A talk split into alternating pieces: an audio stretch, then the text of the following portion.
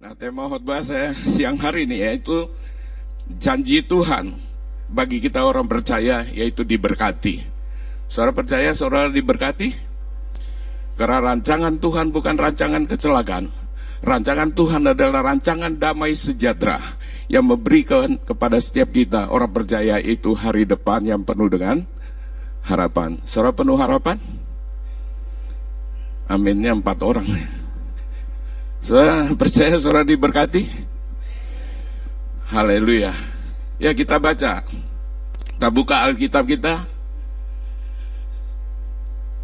Sydney agak dingin tadi malam saya ke satu daerah yang cukup jauh di sekitar Blacktown. Katanya di situ tadi malam dua derajat. Ya cukup dingin.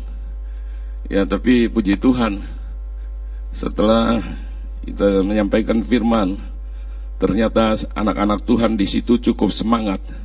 Bahkan cuaca dingin dua derajat tidak mempengaruhi semangat kita untuk tetap roh kita tetap menyala-nyala di dalam Tuhan. Kita baca uh, Yosua 1 ayat yang pertama sampai yang ke-8. Sudah? Saudara sudah di situ? Kita baca sama-sama dengan suara yang keras. Satu, dua, tiga. Sesudah Musa hamba Tuhan itu mati, berfirmanlah Tuhan kepada Yosua bin Nun, abdi Musa itu, demikian. Hambaku Musa telah mati. Sebab itu, bersiaplah sekarang, seberangilah sungai Yordan ini, engkau dan seluruh bangsa ini menuju negeri yang akan kuberikan kepada mereka, kepada orang-orang Israel itu. Terus, empat.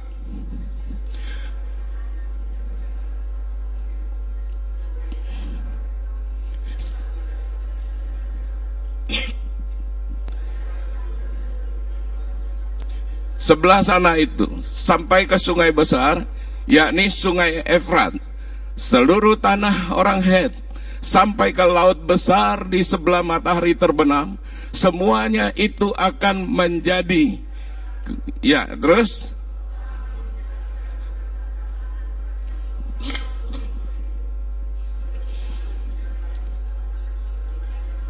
Aku akan menyertai engkau, aku tidak akan membiarkan engkau dan tidak akan meninggalkan engkau. Kuatkan dan teguhkanlah hatimu, sebab engkaulah yang akan memimpin bangsa ini memiliki negeri yang kujanjikan dengan bersumpah kepada nenek moyang mereka untuk diberikan kepada mereka. Hanya kuatkan dan teguhkanlah hatimu dengan sungguh-sungguh, bertindaklah hati-hati sesuai dengan seluruh hukum yang telah diperintahkan kepadamu oleh hambaku Musa Jangan menyimpang ke kanan atau ke kiri, supaya engkau beruntung ke mana pun engkau pergi. Ayat 8 dengan suara yang keras. Janganlah engkau lupa memperkatakan kitab Taurat ini, tetapi renungkanlah itu siang dan malam, supaya engkau bertindak hati-hati sesuai dengan segala yang tertulis di dalamnya. Sebab dengan demikian perjalananmu akan berhasil dan engkau akan ber untung. Ada amin. Saudara percaya perjalananmu berhasil dan beruntung. Anak Tuhan, orang percaya punya nilai plus dari orang yang di luar Tuhan. Banyak orang luar diberkati Tuhan tapi mereka tidak beruntung. Tapi saya dan saudara diberkati dan beruntung. Amin. Saudara beruntung nggak? Diberkati nggak? Beruntung nggak?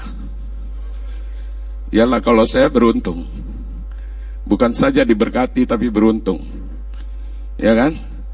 Saya mau makan apa aja bisa. Mau makan babi hong bisa. Mau makan capcay bisa, rawon bisa. Banyak orang di Indo sana, orang kaya. Tapi berhasil. Tapi makan rawon aja nggak bisa. Saudara itu nggak beruntung. Tapi saya dan saudara kita beruntung, amin. Ada nilai plus bagi setiap kita orang percaya. Nah dari ayat yang kita baca, saudara, Yosua diberi satu tugas yang penting untuk membawa bangsa Israel menuju tanah Kanaan. Saudara, ini tugas yang tidak ringan. Tapi Yosua percaya bahwa Tuhan yang menyertai dia. Tuhan yang memampukan dia. Karena Tuhan menyertai saya percaya Yosua juga diberi kemampuan oleh Tuhan untuk membawa bangsa Israel menuju tanah Kanaan. Sehingga Yosua juga berpikir kalau Tuhan menyertai dia, dia percaya bahwa tidak ada yang tidak bisa bagi kita orang percaya. Amin. Hari ini dua ingat juga saya dan saudara, saudara yang dikasih Tuhan Yesus. Kalau Tuhan janjikan hidup saya dan saudara diberkati, Kenapa kita harus menjadi orang yang ragu? Orang yang bimbang. Serah orang yang bimbang, orang yang ragu dikatakan seperti gelombang laut. Jangan mengira dia memperoleh sesuatu dari Tuhan. Tapi saya dan Sora hari ini adalah orang yang sungguh-sungguh percaya. Orang yang sungguh-sungguh mengandalkan Tuhan di dalam kehidupan kita. Sehingga saya percaya apa yang dijanjikan Tuhan pasti digenapi dalam hidup kita. Amin. Yosua beda dengan Musa, ya. Musa gagal. Kenapa firman Tuhan terkatakan dia tidak hormat lagi dengan kekudusan Tuhan. Dia tidak percaya lagi dengan apa yang Tuhan katakan. Gagal untuk masuk tanah perjanjian. Tapi Yosua, dia berhasil. Karena ada tiga hal kita belajar pagi hari ini, siang hari ini. Yaitu Yosua 1 ayat yang ke-8. Yang pertama di situ dikatakan apa? Yang pertama untuk hidup saudara dan uh, saya diberkati Tuhan. Yang pertama dikatakan apa di situ? Di ayat yang ke-8, janganlah engkau lupa memperkatakan kitab Taurat ini yaitu memperkatakan firman. Yang pertama, saudara untuk hidup saya dan saudara mengalami keberhasilan dan keberuntungan, saudara kita harus memperkatakan firman. Amin. Amin kita renungkan siang hari ini. Tiap-tiap hari, apakah kita lebih banyak mengeluarkan kata-kata sia-sia dari pada kita mengeluarkan kata-kata firman? Yang tahu saya dan Tuhan, kita yang tahu pribadi kita dengan Tuhan. Ya, oleh sebab itu orang Kristen itu harus jamu. Sudah tahu jamu? Jaga mulut. bukan jamu Madura. Orang Kristen harus jaga mulut. Karena saya percaya setiap perkataan keluar dari mulut kita, artinya kita memperkatakan firman, itu ada kuasa Tuhan yang luar biasa. Amin. Firman bisa mengubah segala sesuatu. Firman bisa mengubah yang tidak ada menjadi ada. Oleh sebab itu hari-hari ini kita belajar lebih banyak kita memperkatakan firman daripada cerita eh, kekurangan orang lain. Amin. Untuk hidup saya dan saudara diberkati, perkatakan firman. Haleluya. Saudara percaya itu? Makanya kita buka Mazmur. Kita baca ayat ini. Kita bersyukur hari-hari ini saudara. Hidup saya dan saudara diberkati luar biasa. Ya kita buka Mazmur. Pasal yang pertama. Ayat yang pertama Sampai yang ketiga. Saudara sudah di situ? Kita baca sama-sama. Satu, dua, tiga Berbahagialah orang yang tidak berjalan menurut nasihat orang fasik, yang tidak berdiri di jalan orang berdosa, dan yang tidak duduk dalam kumpulan pencemooh. Ya, tetapi yang kesukaannya ialah Taurat Tuhan, kesukaannya ialah Taurat Tuhan, dan yang merenungkan Taurat itu siang dan malam. Lalu yang ketiga, dia seperti pohon yang ditanam di tepi aliran air yang menghasilkan buahnya pada musimnya dan yang tidak layu daunnya. Apa saja yang dikerjakan diberkati Tuhan berhasil dikatakan demikian. Saudara yang dikasih Tuhan Yesus, hari ini kita belajar bagaimana uh, sebagai orang percaya ketika kita sungguh-sungguh percayakan Tuhan Yesus, janji Tuhan hidup saya dan saudara diberkati. Orang yang kesukaannya itu firman Tuhan, pasti diberkati Tuhan. Oleh sebab itu dari mulut saudara keluar jangan perkataan yang sia-sia, tapi adalah perkataan firman Tuhan. Karena firman Tuhan ada satu berkat yang luar biasa. Nah kalau kita baca Roma 9 ayat 28, coba kita buka di situ. Ini janji Tuhan yang luar biasa, firman Tuhan yang pasti dan tidak ada gagal. Saudara tidak pernah gagal firman itu. Roma 9 ayat 28. Nah, sebab dikatakan apa yang telah difirmankannya akan dilakukan Tuhan di atas bumi sempurna dan segera. Amin. Tidak ada firman Tuhan yang tidak dilakukan. Saya percaya tidak ada firman Tuhan yang tidak digenapi. Tidak ada firman Tuhan yang gagal. Firman Tuhan itu kekal sampai selama-lamanya. Apalagi saudara doa dengan firman Tuhan, wow luar biasa. Saya sungguh bersyukur, saudara. Mungkin saya sudah pernah kasih kesaksian. Tanggal 21 sampai 28 Desember yang lalu, harusnya kita itu ke Israel. Tapi Tuhan batalkan perjalanan kita. Karena waktu itu saya tidak memimpin grup, tapi kita, saya dengan istri diajak oleh seseorang ibu untuk ikut sama-sama ke Israel. Tapi akhirnya perjalanan itu batal. Saya sempat tanya Tuhan, kenapa Tuhan perjalanan ini batal? Tuhan bilang, aku punya tujuan yang lain. Dan sudah waktu berjalan tanggal 16 waktu itu Desember.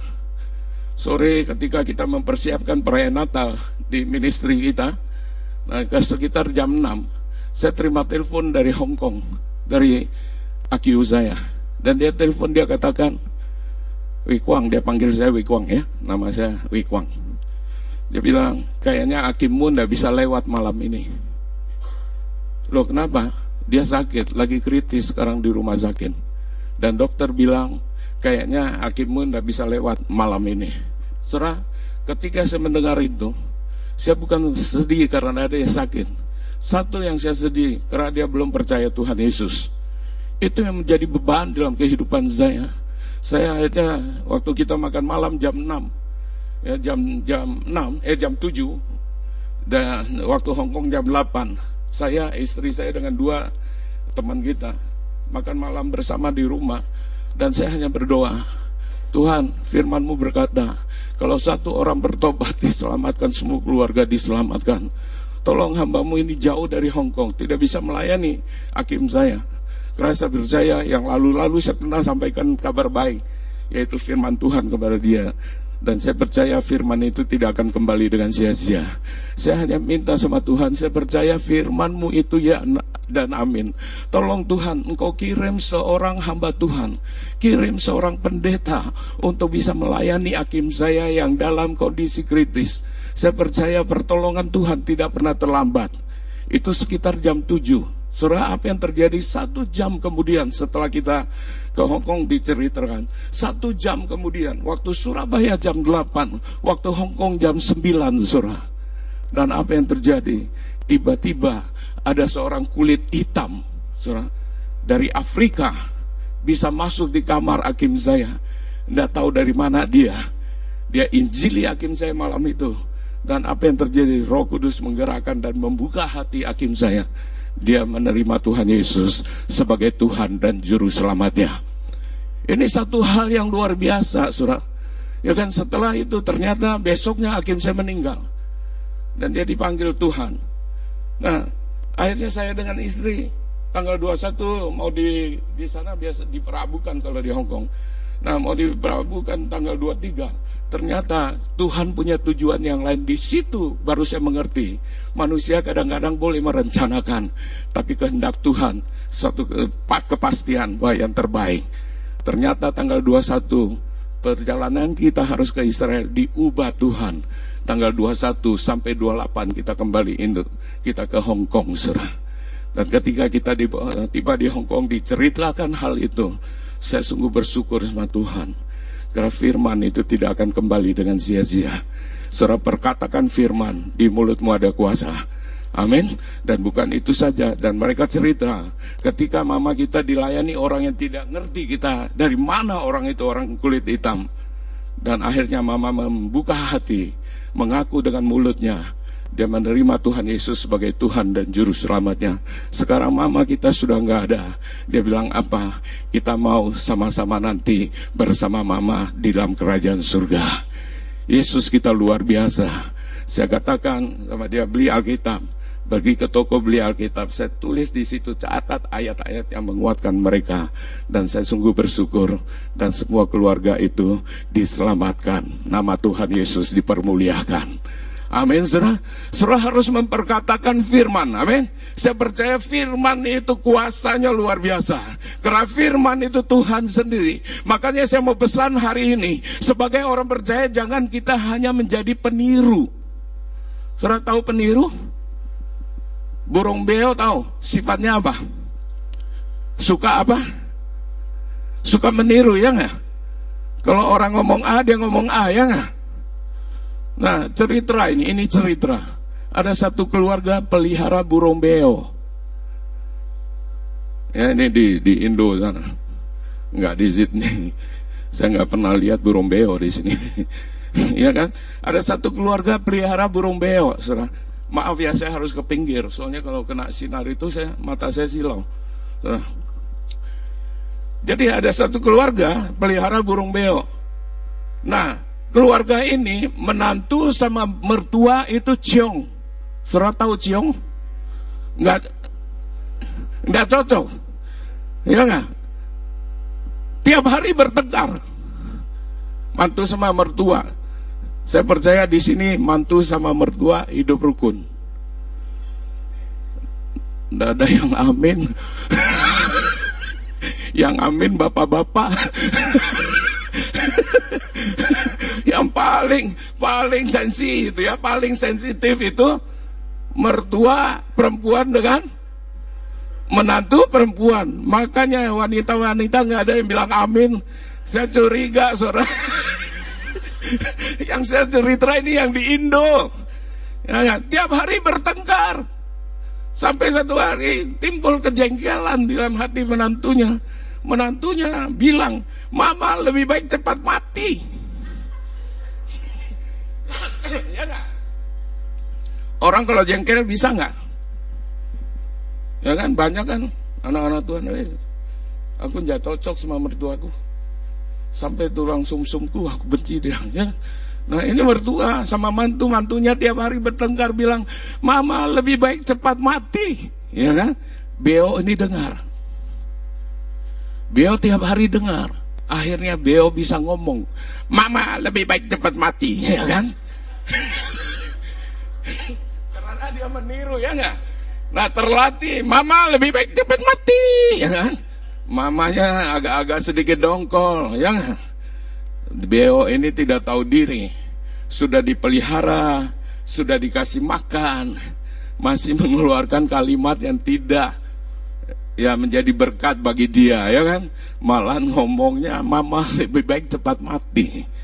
Ya kan? Singkat cerita timbul pikiran di pikiran di mertuanya. Bagaimana caranya gitu? Eh saya bawalah burung beo ini pergi di gereja. Ya kan? Supaya burung beo itu dilatih dengan kalimat yang lain. Dititiplah kepada seorang pastor ya kan Singkat cerita tiap hari Beo itu mendengar suara doa dari pastor itu ya kan dengan jemaatnya. Akhirnya Beo ini bisa mengucapkan kalimat yang baik. Singkat cerita kembali tiga bulan kemudian mamanya berpikir burung beoku sudah pasti berubah. Ya kan? Bawalah pulang burung beo. Sampai di rumah ternyata mertua sama menantu tidak berubah. Burung beo berubah. Mama sama menantu tidak pernah berubah. Tiap hari bertengkar, saudara. Ya kan? Tetap bertengkar. Menantu tetap bilang, Mama lebih baik cepat mati. Begitu burung beo dengar, Mama lebih baik cepat mati. Burung beo bilang, Ya Tuhan, kabulkanlah doa kami. Karena dia sudah terlatih, ya nggak? Akhirnya bawa pulang. Begitu menantunya bilang, Mama lebih baik cepat mati. Burung beo bilang, ya Tuhan kabulkanlah doa kami. Saudara, Jadi orang yang percaya jangan suka meniru, amin. Amin. Keluarkan perkataan berkat. Keluarkan kata-kata firman dari mulut kita.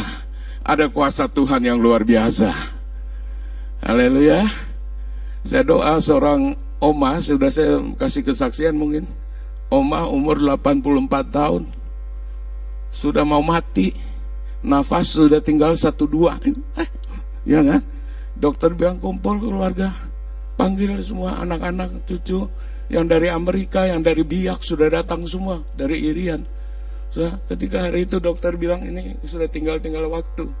Nah kebetulan saya dengan ibu dipanggil untuk mendoakan oma ini. Oma sudah 84 tahun. Saya datang di rumah sakit itu, ya kan.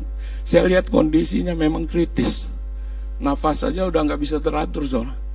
Udah pokoknya kayak orang mau putus nafas.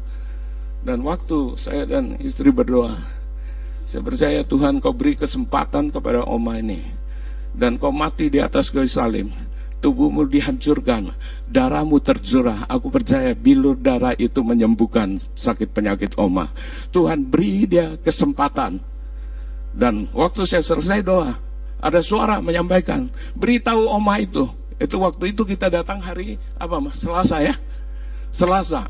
Nah, ada suara beritahu oma. Bilang sama dia, sama keluarganya, hari Jumat oma keluar rumah sakit saya dengar suara itu, saya harus taat ya kan? Tapi saya sempat berpikir dan saya bertanya sama Tuhan, Tuhan, ini keluar rumah sakit mati atau sembuh? Ada dua cara orang keluar rumah sakit ya. Bisa mati keluar rumah sakit atau sembuh keluar rumah sakit. Tapi Roh Kudus itu bilang sembuh dia. Wah, saya ngomong sama anak-anak cucunya di situ. I, oma ini hari Jumat keluar rumah sakit, dia sembuh. Dan berjalan Selasa, Rabu, Kamis, Jumat saya ditelepon sama anaknya. Pak Halim, ini Oma sudah diizinkan Tuhan keluar rumah sakit Jumat siang jam 11. Saya bilang, ya betul, iya. Lo keluar sudah nggak ada harapan atau sembuh? Katanya dokter sudah sembuh. Wah luar biasa saudara. Dan hari Jumat itu juga keluar rumah sakit. Yesus kita luar biasa. Amin. Perkatakan firman. Ada berkat Tuhan, ada kuasa Tuhan. Bekerja melalui mulut kita. Makanya harus jamu ya enggak? Hah? Hah? Harus jamu. Nah, apa yang terjadi? Pulang oma Eh tiba-tiba satu minggu itu kemudian saya terima SMS dari anaknya yang tadi telepon beritahu saya omanya akan keluar hari Jumat. Di SMS itu dikatakan demikian, Pak Halim, kami anak-anak dan cucu sudah setuju kalau Tuhan itu cepat panggil ama. Saya begitu saya terima SMS itu, saya jadi bingung. Tadi minta kesembuhan, sekarang minta cepat check out. Ya, saya saja bingung apalagi Tuhan. Pasti bingung surah. Ya kan anak sudah minta sembuh, minta juga cepat diambil. Saya nggak melayani surah. Saya hanya balas dia. Ibu saya bilang, biar kehendak Tuhan saja yang terjadi. Saya hanya ngomong demikian. Saya nggak tahu dari mana mereka panggil hamba Tuhan yang lain doa di rumah itu. Hamba Tuhan yang lain itu doa. Dia bilang begini, Roh Kudus bilang sama saya, Cepat, ini sudah waktunya Oma mau mati. Pergi beli tanah kuburan, beli peti mati, beli baju-baju, semua perlengkapan. Ini sudah mau mati katanya.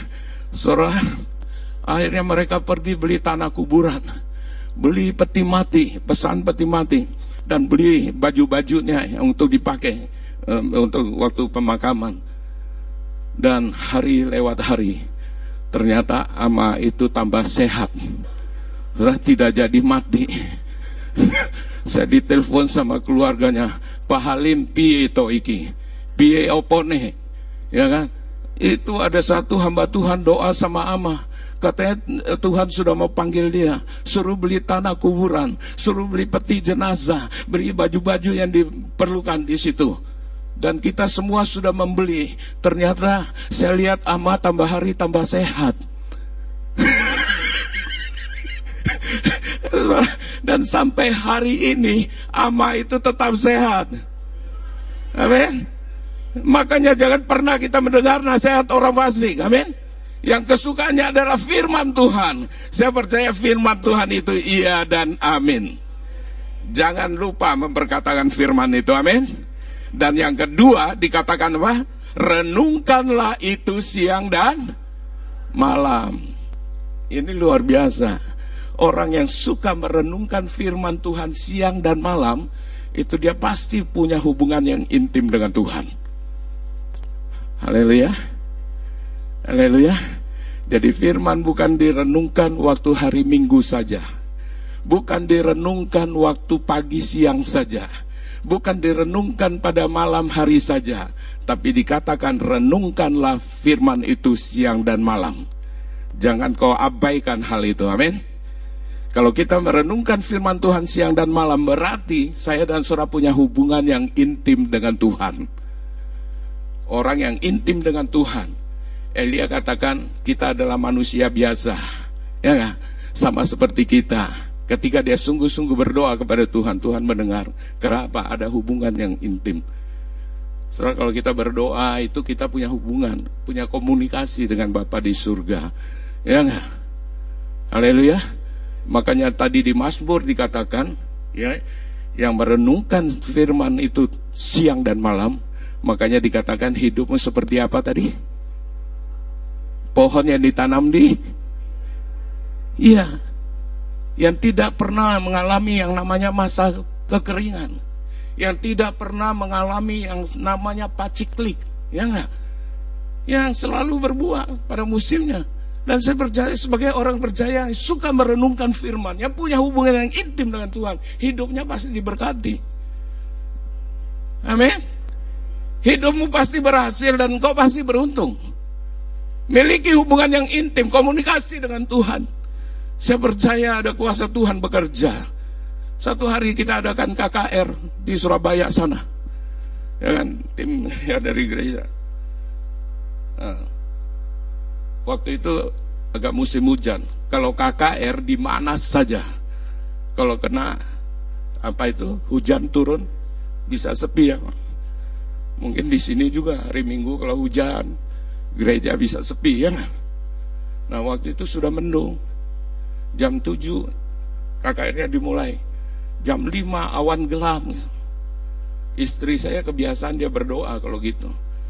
Nah waktu itu dia berdoa. Dia bilang firman Tuhan Elia adalah manusia biasa. Sama seperti kita. Ketika dia sungguh-sungguh berdoa dan hari ini juga aku sungguh-sungguh berdoa. Aku minta kalau Elia minta hujan tidak turun tiga setengah tahun ya enggak Istri saya beda. Dia doanya Tuhan, pindahkan hujan ini ke laut. Mulai rintik-rintik hujan. Saudara. Tapi akhirnya berhenti. Hujan itu benar Tuhan pindahkan ke laut. Saudara, waktu KKR, di tempat KKR tidak hujan, tapi di rumah saya kebanjiran. Karena rumah saya dekat pantai Kenjeran. Jadi ke laut ya, suruh pindah ke laut. Eh rumahku kebanjiran saudara. Kita ada KKR di rumah kebanjiran. Makanya saya bilang sama istri saya. Lain kali kalau doa tolak hujan, pindahkan hujan jangan ke pantai, ya nggak ke laut. Akibat doamu rumah kita kebanjiran waktu itu. Saya bilang doa agar hujan itu pindah ke Malang gitu loh. ya kan atau ke Sydney ya ya ya, ya kan itu mulut kita punya kuasa ya ya orang yang punya hubungan yang intim dengan Tuhan oh doa doanya itu luar biasa. Amin. Saya bilang lain kali jangan doa yang pindah ke laut. Kan rumah kita dekat laut kan kenjerannya pak. Banjir saya bilang suruh pindah ke Malang ke sana. Makanya kita kalau jadi orang Malang paling nggak enak ya ya nggak? Siapa yang dari Malang? Tolong angkat tangan. oh, Pak yang di depan nih dari Malang yang punya pabrik ini, ya kan? Sekarang sudah di Sydney diubah Tuhan. Ya kan? Paling enggak enak ya kan? Kalau saya bilang Pak, Dari mana? Aku orang Malang. Pak orang mana? Orang Malang. Wih paling nggak enak. Ya kan? Hah? Ah, makanya sekarang di Sydney diubah ya. Jadi anak Tuhan yang diberkati. Amin. Amin. Ya, paling enak jadi orang Jawa Tengah. Pak, orang apa? Orang Kudus. Ya kan? Beda dengan Semarang, Ulan. Ini Kudus, kota Kudus. Ya? Aku orang Kudus. Wah, makanya ada satu hari seorang bapak bilang, Pak Pendeta, gampang kita kalau mau jadi orang Kudus. Saya sempat kaget. Kok gampang gimana ya? Ya kan? Dia bilang gampang, tidak susah. Gimana caranya Pak? Saya bilang, kita pindah aja ke kota Kudus maka kita jadi orang kudus. Oh masuk akal juga Saudara yang dikasih Tuhan Yesus Kita harus memiliki hubungan yang intim dengan Tuhan Amin Renungkanlah firman Tuhan itu siang dan malam. Saudara yang dikasih Tuhan Yesus di mana Yohanes 15 Kita baca satu ayat ini. Yohanes 15 ayat yang ketujuh. Saudara perhatikan betul-betul. Jikalau kamu tinggal di dalam aku dan firmanku tinggal di dalam kamu, mintalah apa saja yang kamu kehendaki dan kamu akan menerimanya. Tinggal dalam firman dan firman itu tinggal dalam kita. Nah, kita menjadi satu, ada hubungan yang intim. Saya percaya apa yang kita minta di dalam nama Yesus, Tuhan Yesus akan mengabulkannya. Amin. Kok ragu-ragu sih? Saudara percaya doamu dikabulkan Tuhan? Saudara percaya? Amin. Apa yang kita minta, ya dikatakan apa yang kamu kehendaki, apa yang kamu minta, dan minta apa saja, dan kamu akan menerimanya. Bukan minta untuk memuaskan hawa nafsu kita, enggak. Tapi minta sesuai dengan apa yang Tuhan kehendaki dalam hidup saya dan saudara. Amin. Itu pasti dikabulkan. Makanya serah orang yang punya hubungan yang intim dengan Tuhan wah, luar biasa.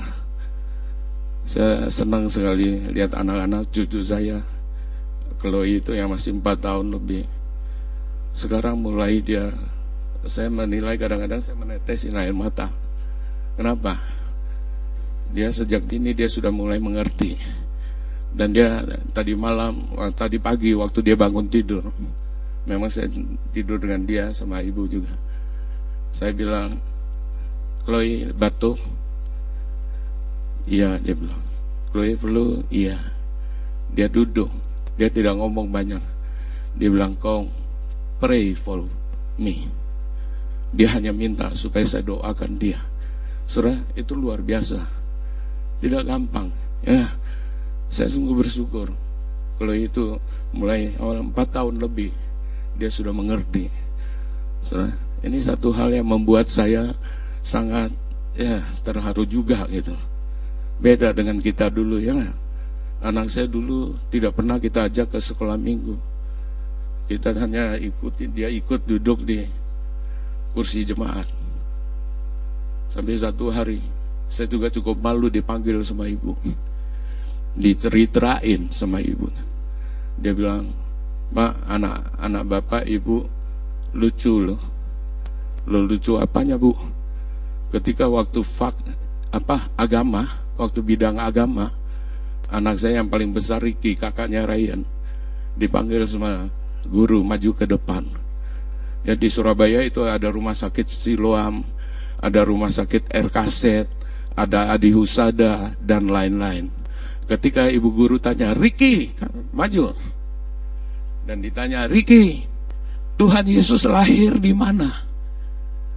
Anak saya tidak pernah ke sekolah minggu. Dia jawab, di RKZ bu. Karena dia lahir di RKZ, ya kan? Dia tidak mengerti kan? Jadi waktu ditanya, dia jawab, di RKZ bu. Ketika ibu guru itu cerita sama kita, waduh betapa malunya kita orang tua. Ya enggak? Ya kita nggak pernah ceritakan sama anak-anak kita. Setelah dia pikir dia lahir di RKZ, Tuhan Yesus juga lahir di RKZ. ya, Saudara kita cukup malu waktu itu. Makanya saya bersyukur hari-hari ini saya melihat banyak anak-anak kecil ya kan sudah bawa ke Sunday school ya supaya mereka mengenal Tuhan se secara sejak dini gitu. Dan saya bersyukur kalau tadi pagi bilang ya Kong pray for me. Ya, hanya itu. Saya tumpangin tangan saya doa dia. Agar dia tidak flu, tidak batuk, tidak pilek. Saya percaya bilu darah Yesus menyembuhkan dia. Karena apa yang kita minta, yang kita kehendaki, Tuhan pasti mengabulkan dan kita pasti menerima. Amin. Asal jangan salah minta. Satu hari ada seorang wanita, wanita muda sudah menikah, kan? Datang di saya Pak Pendeta Halim setelah kita doa puasa, ibadah puasa. Dia bilang, Pak Halim, tolong doakan saya. Ya apa yang bisa saya bantu untuk doakan ibu. Dia bilang apa? Pak tolong doa supaya saya dapat suami yang baru.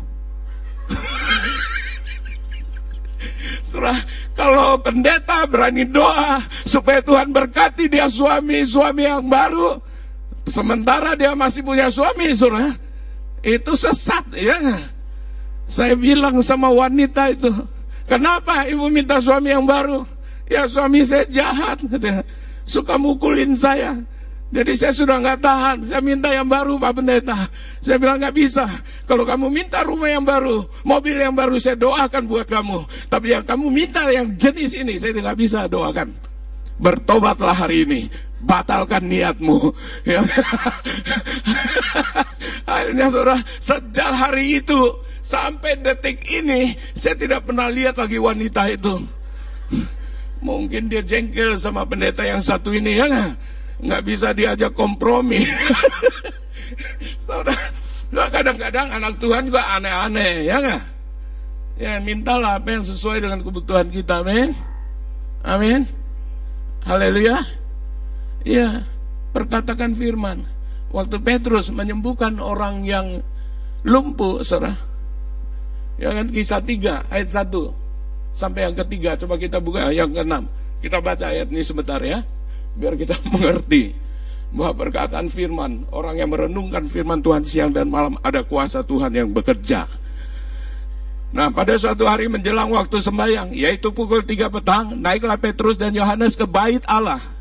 Di situ ada seorang laki-laki yang lumpuh sejak lahirnya sehingga dia harus diusung. Tiap-tiap hari orang itu diletakkan dekat pintu gerbang bait Allah yang bernama cabang gerbang indah untuk meminta sedekah kepada orang yang masuk ke dalam bait Allah. Terus ketika orang itu melihat bahwa Petrus dan Yohanes hendak masuk ke bait Allah, ia meminta sedekah.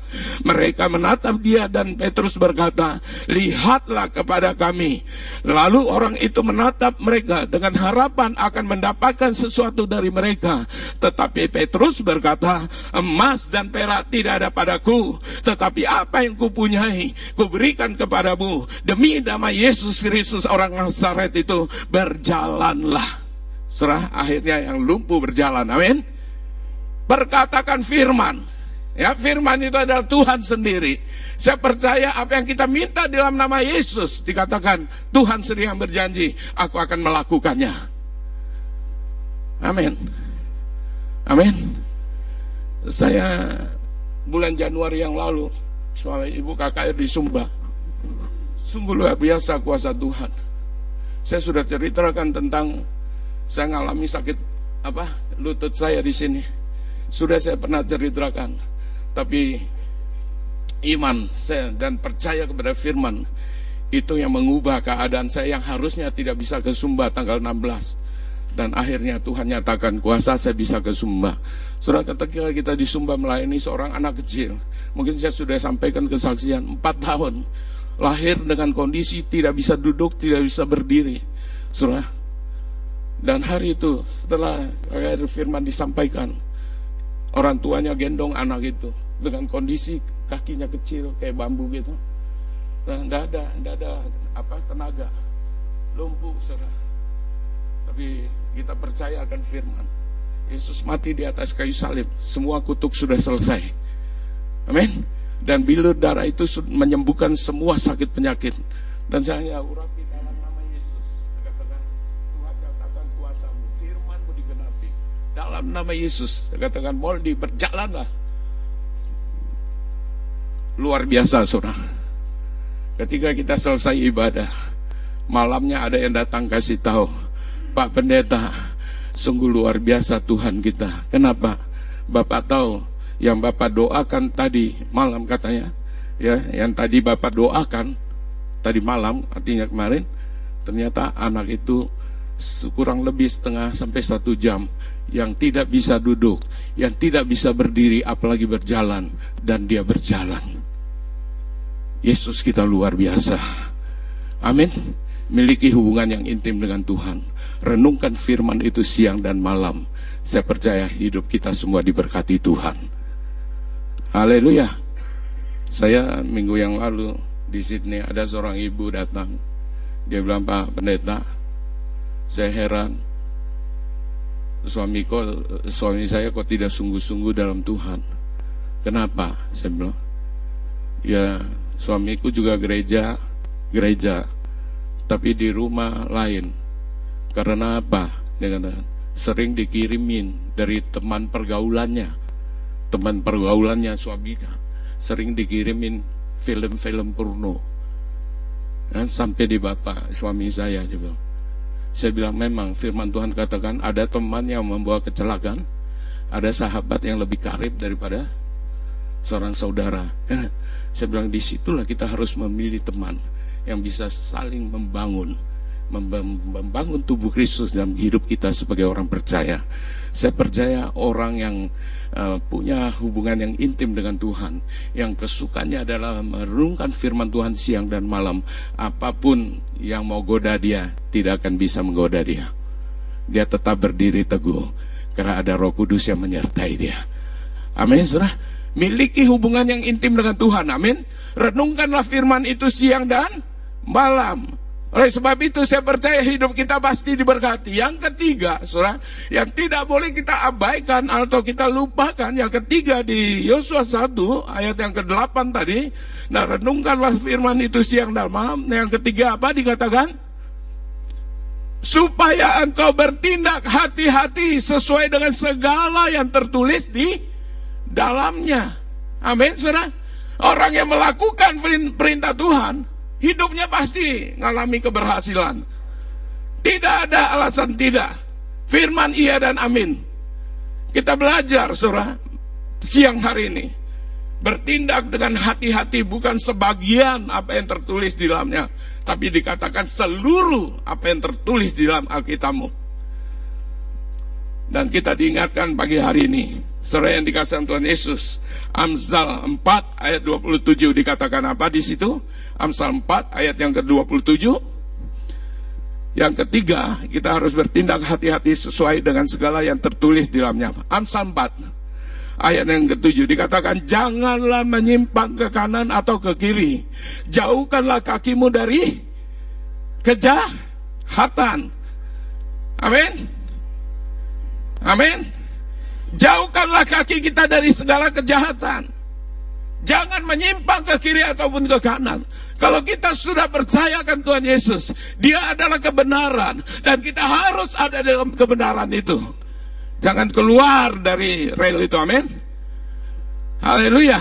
Untuk hidup saya dan saudara diberkati, kita harus tinggal dalam kebenaran, yaitu firman Tuhan. Jangan menyimpang ke kiri ataupun ke kanan. Haleluya. Haleluya. Haleluya. Saudara diberkati. Saudara percaya saudara berhasil dan beruntung. Tidak ada rencana Tuhan yang gagal. Rancangan Tuhan damai sejahtera memberikan kepada saya dan saudara hari depan yang penuh dengan harapan. Haleluya. Bertindak sesuai dengan seluruh apa yang tertulis di dalamnya. Jangan kita menyimpang ke kiri ataupun ke kanan. Saya mau beritahu, ketika kita keluar dari firman, ketika kita keluar dari firman, kita akan kehilangan segala-galanya. Jangan keraskan hatimu, amin. Saya percaya jemaat CLZ, semua adalah anak-anak Tuhan yang memperhatikan perintah-perintah Tuhan. Sehingga apa pun musim boleh terjadi, resesi boleh terjadi, sebagai orang percaya, janji Tuhan hidup kita diberkati. Amin. Saudara diberkati. Saya juga ya kita ke Sydney ini ada satu yang sangat kurang di kita yaitu bahasa Inggris. Nah, kadang-kadang kita komunikasi dengan cucu sudah sulit. Ya kan? Istri saya waktu kita baru datang, cucu kita ajak main-main sama istri saya. Ama haid, ama haid. Ya, amanya bilang yes, yes, tapi tidak haid-haid. main sembunyian haid kan? Ya ada haid ya. Nah, sembunyi, ama haid. Tambah keras suaranya, ama haid. Yes, ama bilang tidak gerak-gerak. Yang ketiga, cucu saya tambah keras, ama haid. Uh, amanya bilang yes, tapi tidak sembunyi-sembunyi, ya kan? Akhirnya dia kasih contoh, haid ini loh di pintu gini, nah, baru kita mengerti. Ya.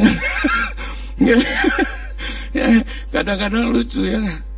Apa yang dia mau ngomong tadi diantar anak saya ke sini, cucu saya ngomong-ngomong di mobil, anak saya Ricky bilang, Papa ngerti nggak? Oh yang ngomong apa? Nggak ngerti. itu itu itu kekurangan kita makanya saya bilang sudah tidak ada perkataan terlambat bagi Tuhan pulang dari sini kita belajar bahasa Inggris saudara jangan kaget suatu hari saya khotbah dengan bahasa Inggris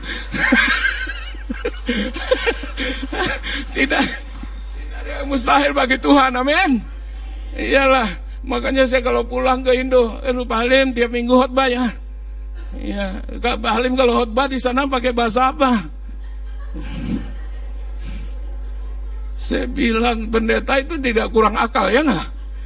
Saya bilang karena saya cinta negara Indonesia. Di mana saya ada saya pakai bahasa Indonesia.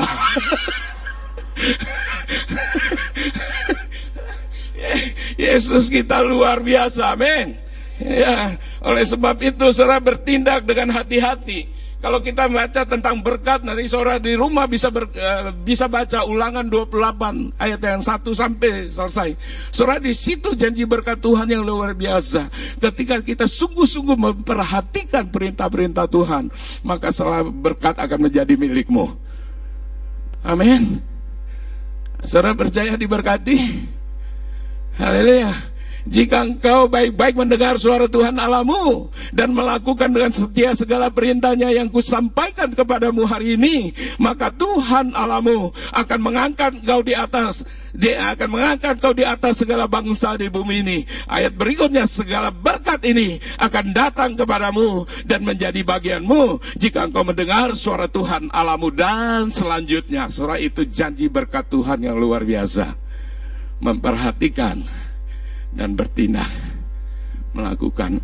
Saya percaya apa yang Tuhan janjikan pasti digenapi. Amin. Saya percaya orang yang percaya kepada Tuhan itu luar biasa. Bukan itu aja berkat yang Tuhan janjikan tapi kehidupan kekal. Kalau saudara baca di Yesaya 48 saudara ini ayat penutup. Ayat yang ke-17 Demikian dikatakan, beginilah firman Tuhan penebusmu yang maha kudus, Allah Israel. Akulah Tuhan Alamu yang mengajar engkau tentang apa yang memberi faidah, yang menuntun engkau di jalan yang harus kau tempuh.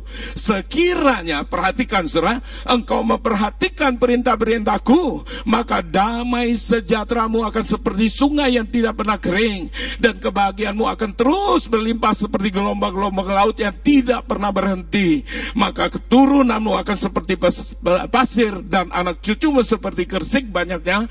Nama mereka tidak akan dilenyapkan atau ditiadakan dari hadapanku.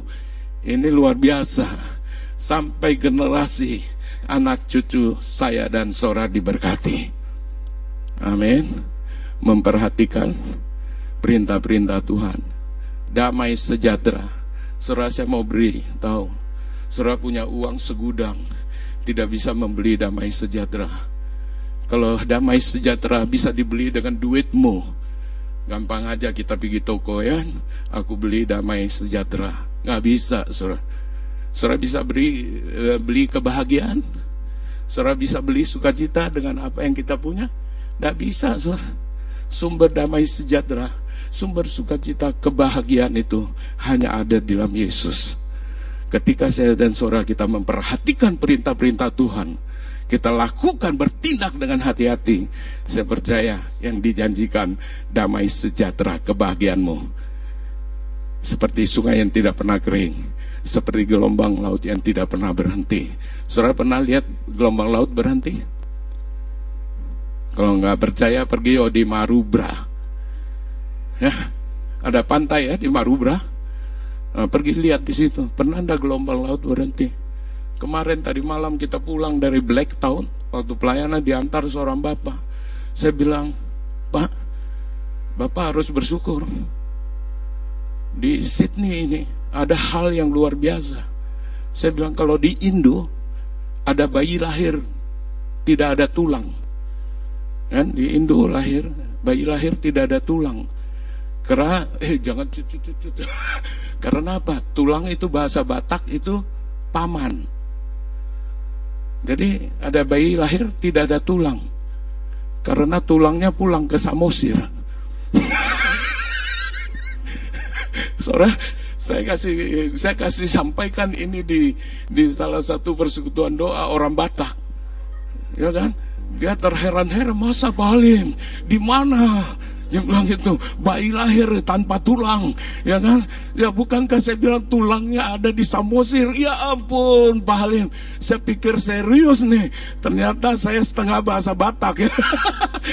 tulangnya pulang ke Samosir. Tapi di Sydney saya bilang lebih luar biasa. Apa itu Pak Halim? Ada baby bunting. Ya, bayi bunting. Baby bunting saudara belum tahu? Di daerah apa itu? Ah? Di mana? Nggak tahu, saya susah, susah sebut tempatnya. Ada ya di mana-mana ya. Saya bilang saudara bersyukur Bapak ada di Sydney. Di Sydney ada baby bunting. di mana Pak? Itu di perempatan saya bilang. Saya pernah lihat baby bunting. Itu luar biasa. Sore dikasih Tuhan Yesus. Siang hari ini, tiga hal kita pelajari. Jangan abaikan ya. Yang perkatakan, apa? Terus yang kedua, merenungkan firman itu siang. Yang ketiga, Bertindak hati-hati sesuai dengan apa yang tertulis di dalamnya. Saya percaya hidup saya dan Sora pasti mengalami keberhasilan dan keberuntungan. Amin. Beri kemuliaan bagi Tuhan Yesus. Ya, mengundang pemain musik.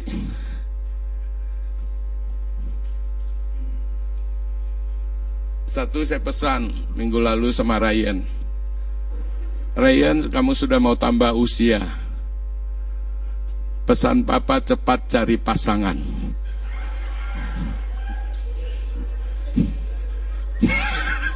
Saya percaya nanti Pak Agus, Ibu Agus kenalkan yang baik. Oh sudah kenal sendiri karena Rian sudah besar ya bisa berjalan sendiri. Saya bilang cepat-cepat ya. Papa mulai hitung-hitung umur. Sekarang Papa 62 ya kan? Kalau 20 tahun lagi cucu saya yang besar baru berumur berapa itu? 24. Mulai menghitung serah waktu-waktu ini. Tapi firman Tuhan mengajarkan kepada saya biar kita kita hitung hari-hari supaya kita memperoleh hati yang bijaksana. Ya saya percaya Mungkin tulang rusuknya Rian yang satu ada di Australia. Kita nggak tahu, tapi satu hal yang saya tahu, Tuhan pasti berkati kita yang terbaik. Amin. Amin. Beda dengan staf pelayanan saya. Sekarang sudah umur 42 tahun, tidak menikah. Satu hari ketika saya sama-sama melayani dengan dia, saya katakan sing, jangan tersinggung. Ini bukan kosing yang di sini. Sing teman saya. Saya bilang menikah. Dia bilang enggak, Pak. Atau mungkin kamu punya trauma masa lalu. Enggak, dia bilang. Sudah kamu nikah, saya bilang. Saya akan berkati kamu satu buah rumah. Tapi bukan di Surabaya. Di Sidoarjo bukan rumah yang gede-gede, tapi tipe 36. Cukup kau dengan istrimu tinggal. Kawin loh. Enggak, Pak. Dia panggil saya Bapak. Enggak. Atau mungkin kamu memang sudah ditetapkan Tuhan tidak menikah. Saya bilang gitu. Enggak tahu, Pak. Pokoknya saya belum punya kemauan untuk menikah. Sampai hari ini dia belum menikah umur 42. Dan saya katakan untuk membuktikan kalau memang Tuhan ciptakan kamu tidak menikah, kamu pergi besok ke rumah sakit. Pergi ke laboratorium, cek tulang rusukmu. Kalau kiri sama kanan sama, berarti pasti engkau tidak menikah. Tapi kalau ada kurang satu, wah masih ada harapan. Ya kan saya bilang seperti itu. Yang dikasih Tuhan Yesus hari ini, kita percaya hidup kita, janji Tuhan diberkati. Amin. Jangan pernah kita ragu, jangan pernah kita bimbang. Karena apa yang difirmankan pasti digenapi dalam hidup kita. Kita naikkan satu pujian. Ya, mungkin pemimpin pujian bisa bantu saya. Lagu apa itu? Biar kita mau merenungkan firman Tuhan siang hari ini. Oh haleluya. Naikkan satu pujian. Please. Apa yang cocok lagunya?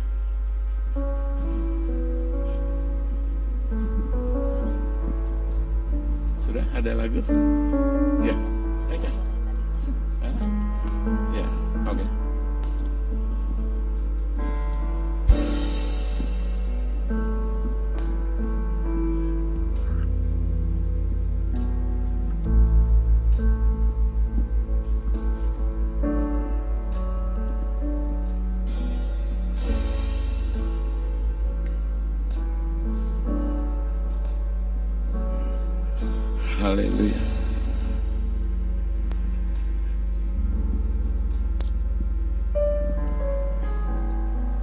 Saudara renungkan firman Tuhan siang hari ini. Apa yang sudah kita dengar, janganlah kita keraskan hati kita. Biar kita mau sungguh-sungguh pakai hidup kita untuk kita senantiasa dan selalu memperkatakan firman itu. Biar waktu-waktu yang ada ini kami mau belajar untuk kami tetap merenungkan firman Tuhan itu siang dan malam supaya kami mempunyai hubungan yang intim dengan Tuhan. Hari ini kita juga belajar.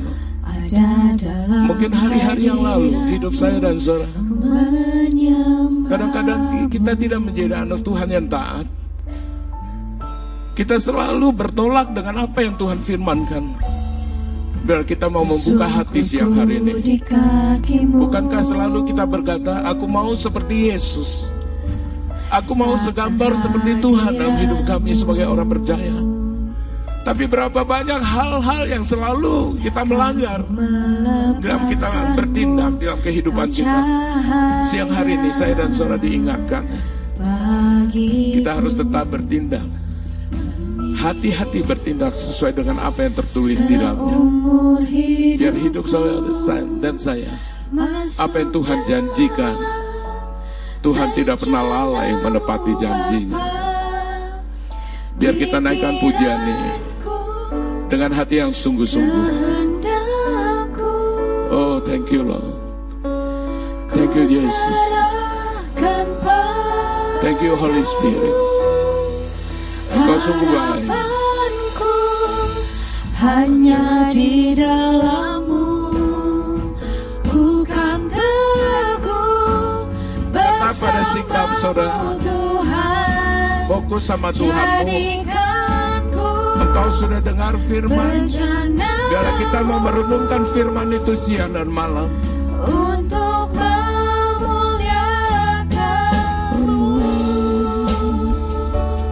kita bangkit berdiri bersama-sama. Oh haleluya. Sembah dia saudara. Angkat suara kita naikkan syukur kita siang hari ini. Kita bersyukur. Kita punya Tuhan yang tidak pernah lalai menepati janjinya. Hari ini apa pun pergumulanmu, apa pun persoalan, masalah yang sedang kita hadapi. Satu hal yang kita percaya bahwa firman itu tidak pernah gagal. Firman itu kekal sampai selama-lamanya. Jangan kau hidup sebagai orang percaya, sebagai anak yang gampang, saudara. Tapi hari kita diingatkan, ada berapa hal yang kita pelajari siang hari ini. Jangan kita lupa untuk selalu memperkatakan firman itu. Jangan kita abaikan atau kita lupakan. Kita harus selalu merenungkan firman itu siang dan malam. Miliki hubungan yang intim dengan Tuhan. Hari ini, satu pertanyaan. Dengan siapa kita bergaul? Kita diingatkan. Jangan pernah kita mendengar nasihat orang fasik.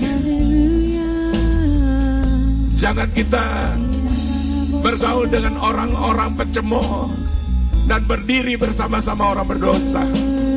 Tapi hari ini, sore ini kasih Tuhan Yesus, tetaplah jadi anak-anak Tuhan yang taat, yang setia, sampai akhirnya nanti ketika kita tinggalkan dunia ini, Tuhan pasti melihat iman percaya kita kepada Dia, dan kita punya hubungan yang intim dengan Tuhan. Hari ini kita diingatkan. Bertindaklah hati-hati sesuai dengan segala yang tertulis di dalamnya. Janganlah kita menyimpang ke kiri ke kanan. Akhir zaman ini Setan sedang bekerja Untuk merebut anak-anak Tuhan Membawa anak-anak Tuhan menuju kebinasan Tapi hari ini saya dan Sora bersama seluruh keluarga kita Ada Tuhan yang melindungi Ada Tuhan yang menjagai ada Tuhan yang memberkati setiap kami. Sehingga kami percaya di akhir zaman dunia tidak semakin baik. Tapi hari saya dan Zora kita yang sungguh-sungguh tinggal di dalam firman dan firman itu tinggal dalam kita. Saya percaya hari lepas hari kita akan mengalami kuasa Tuhan. Hari lepas hari kita akan mengalami mujizat Tuhan dalam hidup kita. Sekalipun ada badai yang menerpa hidup kita sebagai orang percaya kita akan berdiri teguh karena kita tinggal dalam firman itu. Terima kasih Tuhan Yesus untuk firmanmu. Satu saat langit dan bumi akan berlalu. Tapi firmanku, perkataanku, Tuhan Yesus katakan akan tinggal tetap. Meteraikan firman itu Tuhan. Hamba berhenti berbicara. Tapi biar roh kudus yang memeteraikan firman itu. Bukan saja berakar. Tapi kita percaya bertumbuh. Bahkan sampai berbuah lebat. Aku percaya siang hari ini firmanmu digenapi. Yang sakit sudah disembuhkan. Yang lemah sudah diberi kekuatan yang baru. Yang susah Tuhan sudah memberi penghiburan. Yang punya masalah percayalah Tuhan sudah memberi jalan keluar yang terbaik bagi engkau. Bagi kita semua. Berkati gereja CLC ini Tuhan. Pakai gereja ini di akhir zaman untuk memenangkan semakin banyak jiwa semua itu untuk kemuliaan namamu. Berkati Bapak Gembala Sidang, Ibu Gembala Sidang, Pendeta Agus Tuhan. Yang kau percayakan, aku percaya pakai semakin hari semakin luar biasa. Ada kuasa, ada mujizat Tuhan menyertai pelayanan beliau. Sehingga banyak jiwa dimenangkan selamatkan. Semua juga untuk kemuliaan nama Tuhan Yesus staf pelayanan, para pelayan yang juga Tuhan yang membantu di dalam pelayanan ini Tuhan. Aku percaya jerilah mereka tidak pernah sia-sia. Tuhan memberkati pelayanan, bahkan usaha pekerjaan, sekolah studi mereka diberkati, rumah tangga mereka diberkati. Terlebih lagi jemaat yang Tuhan percayakan, aku percaya bukan kebetulan kau ada di gereja CLC ini Tuhan punya rencana yang indah, yaitu rancangan damai sejahtera bagimu. Rancangan hari depan yang penuh dengan harapan, itu dianugerahkan kepada setiap kita jemaat CLC ini. Terima kasih Tuhan Yesus. Inilah doa kami. Aku percaya siang hari bukan siang yang rutinitas, bukan siang yang biasa-biasa, tapi siang hari ini adalah siang berkat bagi setiap kami. Siang kuasamu dinyatakan, siang mujizat terjadi dalam hidup kami. Terpujilah namamu Tuhan Yesus. Setiap kita yang percaya dan sudah diberkati lewat firman Tuhan bersama-sama kita katakan. Amin. Tuhan memberkati kita semua. Haleluya.